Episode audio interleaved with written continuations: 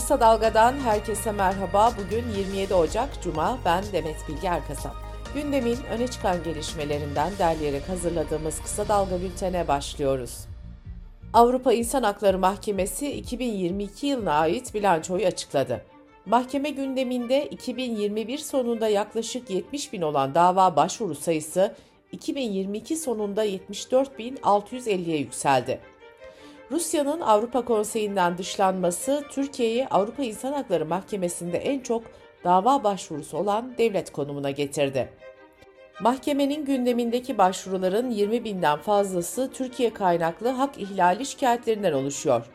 Bu sayı Avrupa İnsan Hakları Mahkemesi'nin toplam iş yükünün %26.9'una denk geliyor. Türkiye'ye açılan davalar 20 yıldır bu orana ulaşmamıştı. Mahkeme geçen yıl Türkiye hakkındaki 80 davada karar açıkladı.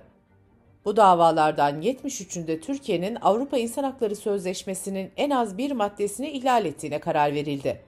5 davada hiçbir ihlal olmadığına, 2 davada ise başka yollarla çözüme hükmedildi.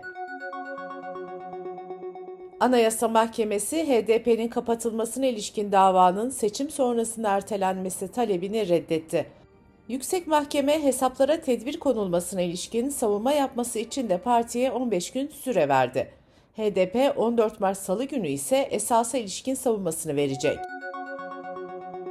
CHP, İyi Parti, Saadet Partisi, Deva Partisi, Gelecek Partisi ve Demokrat Parti liderlerinin oluşturduğu altılı masanın 11. toplantısı İyi Parti ev sahipliğinde dün yapıldı. Liderlerin toplantısında önemli gündem başlıkları vardı. Liderler dünkü toplantıda 30 Ocak'ta açıklanacak ortak mutabakat metnini, yol haritasını ve hükümet programını ele aldı. Altılı Masa'nın merakla beklenen Cumhurbaşkanı adayının kim olacağı sorusu da masanın gündemindeydi. Edinilen bilgilere göre liderler Cumhurbaşkanı adayını belirleme usulünü konuştu. Bu arada CHP lideri Kemal Kılıçdaroğlu'nun olası adaylığına ilişkin İyi Parti'den net bir açıklama geldi. Habertürk yazarı Nagihan Alçı, İyi Parti Genel Başkan Yardımcısı Cihan Paçacı ile yaptığı görüşmeyi köşesinde aktardı. Aday tartışmalarını değerlendiren Paçacı, parti yetkili kurulları şu anda Kemal Bey'i onaylayacak noktada değil. Kemal Bey adaylıkta diretirse İyi Parti kendi adayını çıkarabilir. Ancak nihai karar yetkili kurullarda alınacak dedi. Altılı Masa'nın toplantısı sürerken ortaya çıkan bu sözler tartışma yarattı. Paçacı daha sonra bir açıklama yaparak İyi Parti'deki Kurumsal İlişkiler Başkanlığı görevinden istifa ettiğini duyurdu. Paçacı, adaylık sürecine dair bir gazeteciye verdiğim demecin maksadı aşan yorumlara neden olduğunu görüyorum dedi. Cumhurbaşkanı Recep Tayyip Erdoğan seçim için 14 Mayıs'ı işaret etmiş, 10 Mart'ta da yetkisini kullanıp seçimi öne alacağını açıklamıştı. Erdoğan'ın yeniden aday olup olamayacağı da tartışma konusu. Birçok uzman ve siyasetçi Erdoğan'ın adaylığının hukuka uygun olmadığını savunuyor. İktidar kanadı ise bu konuda herhangi bir tereddütün olmadığını belirtiyor. CHP Genel Başkanı Kemal Kılıçdaroğlu Erdoğan'ın yeniden aday olmasına neden sessiz kaldığına dair tartışmalara şöyle bir yanıt vermişti. Diyelim ki ses çıkardık nereye gideceğiz? Verdiği karara kim itiraz edecek? İtiraz edeceğin hiçbir yer yok. CHP liderinin bu sözleri de eleştiri konusu olurken CHP Grup Başkan Vekili Özgür Özel ise Erdoğan'ın aday gösterilmesi halinde YSK'ya başvuracaklarını belirtti. Özgür Özel, YSK Erdoğan'ın adaylığını onaylarsa anayasa suçu işler diye konuştu. The Economist ve Bloomberg'un ardından Alman Stern dergisi de Türkiye'de gerçekleşecek seçimle ilgili analiz yayınladı. Cumhurbaşkanı Erdoğan'ı hedef alan dergi, kundakçı Erdoğan kapağıyla çıktı. AKP sözcüsü Ömer Çelik ise batılı bazı yayın organlarının sistematik şekilde Erdoğan'ı hedef aldığını söyledi. Ömer Çelik şöyle konuştu. Bunların yaptığı basın yayın faaliyeti değildir. İlkel bir kara propagandadır. Talimat almayan bir Türkiye bu odaklar için kabus anlamına geliyor.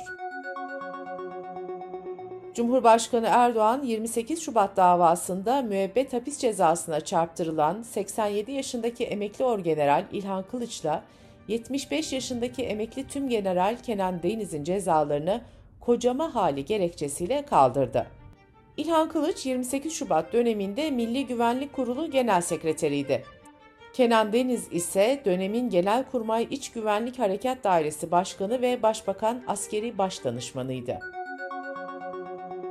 Ülke Ocakları'nın eski başkanlarından Sinan Ateş suikastine ilişkin soruşturma kapsamında Tolgahan Demirbaş ve Ülke Ocakları Genel Başkan Yardımcısı Emre Yüksel tutuklandı.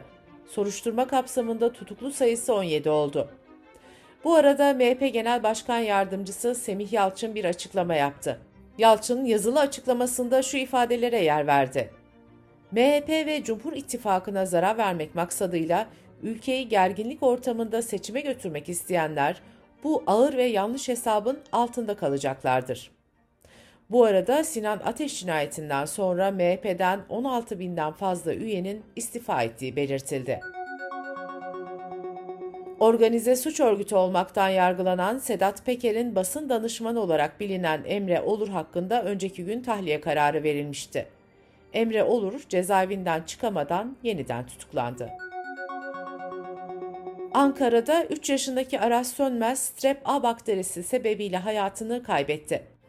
BBC Türkçe'den Fundanur Öztürk'e konuşan Profesör Doktor Ergin Çiftçi ailelerden dikkatli olmalarını istedi ve şu bilgileri verdi.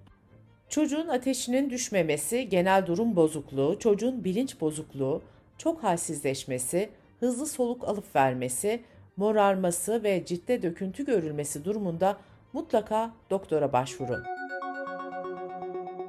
İstanbul'da taksilerde yeni bir dönem başlıyor. İstanbul Büyükşehir Belediyesi Ulaşım Koordinasyon Merkezi, taksi taşımacılığında kullanılan tepe lambası düzenlemesini kabul etti. Buna göre 3 ay içinde tüm taksilerde akıllı tepe lambaları yer alacak.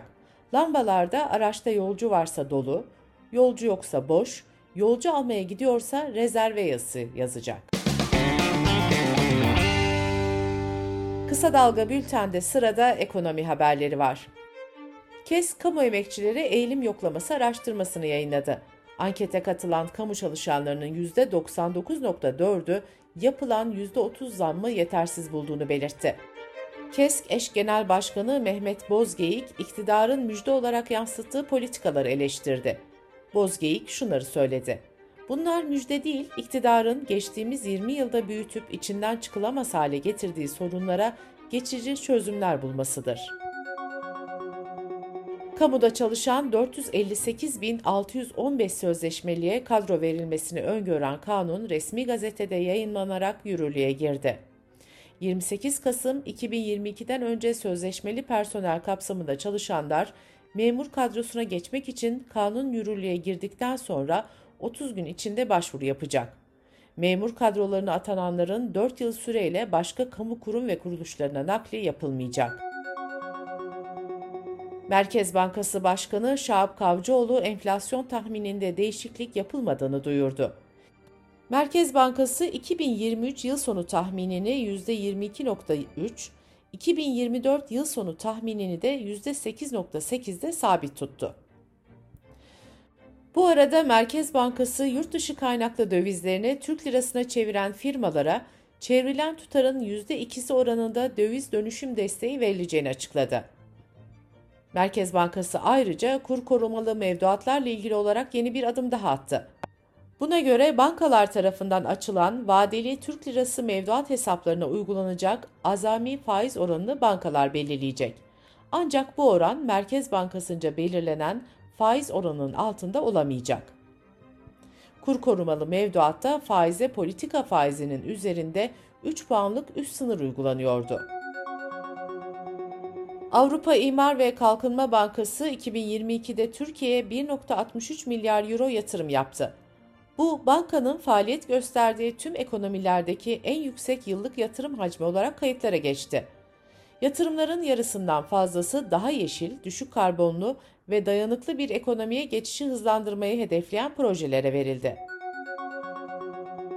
Teknoloji şirketlerinin dünya çapında işçi çıkarma kararlarına bir yenisi daha eklendi. IBM 3900 kişinin işten çıkarılacağını duyurdu. Google'da geçtiğimiz hafta yaklaşık 12 bin çalışanıyla yollarını ayıracağını açıklamıştı. Yazılım devi Microsoft da 10 bin çalışanını işten çıkaracağını duyurmuştu.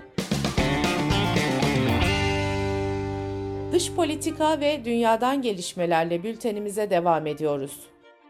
Finlandiya Savunma Bakanlığı 2019 yılından bu yana yürürlükte olan Türkiye askeri teçhizat ihracatı ambargosunu kaldırdı.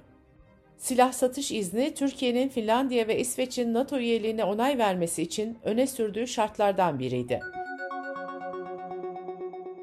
Almanya'nın Ukrayna'ya Leopard tankı verilmesini onaylamasının ardından ABD Başkanı Joe Biden da Ukrayna'ya 31 tank göndereceklerini söyledi. Bu iki ülkenin ardından Norveç de tank gönderme kararı aldı. Ülkesine yönelik bu yardımları tank koalisyonu olarak nitelendiren Ukrayna Devlet Başkanı Zelenski, Ukrayna'nın savaşta zaferi elde edebilmesi için daha fazla silaha ihtiyaç duyduğunu söyledi. Zelenski, uzun menzilli füze, topçu sistemleri ve savaş uçaklarına da ihtiyaç olduğunu belirtti. Bu arada Kremlin sözcüsü Peskov ise ABD ve Almanya'nın Ukrayna'ya tank verme kararını Batı'nın çatışmaya doğrudan dahil olduğunun işareti olarak yorumladı. UNESCO, Rusya'nın işgal ettiği Ukrayna'nın liman kenti Odessa'yı Dünya Kültür Mirası listesine aldığını duyurdu. Ukrayna geçen yıl Odessa'nın bu listeye alınması için resmi başvuruda bulunmuştu. İşgalin sürdüğü kentin özel durumu göz önüne alınarak listeye alınması hızlandırıldı. ABD Gıda ve İlaç Dairesi bebek mamalarındaki kurşun miktarının daha düşük olması gerektiği yönünde tavsiye kararı aldı. 2021'de yapılan kongre soruşturması, önde gelen bebek maması üreticilerinin bilerek yüksek düzeyde toksik metal içeren ürünler sattığını tespit etmişti. Bültenimizi kısa dalgadan bir öneriyle bitiriyoruz. Sürdürülebilirlik uzmanı Ferdi Akarsu ve gazeteci Mehveş Evin, COP15 konferansında öne çıkanları, biyoçeşitliliğin neyi kapsadığını ve iklim kriziyle mücadelede neden bu kadar önemli olduğunu masaya yatırıyor. Ferdi Akarsu ve Mehveş Evi'nin hazırladığı Yeşil Dalga'yı kısa dalga.net adresimizden ve podcast platformlarından dinleyebilirsiniz. Gözünüz kulağınız bizde olsun. Kısa Dalga Medya.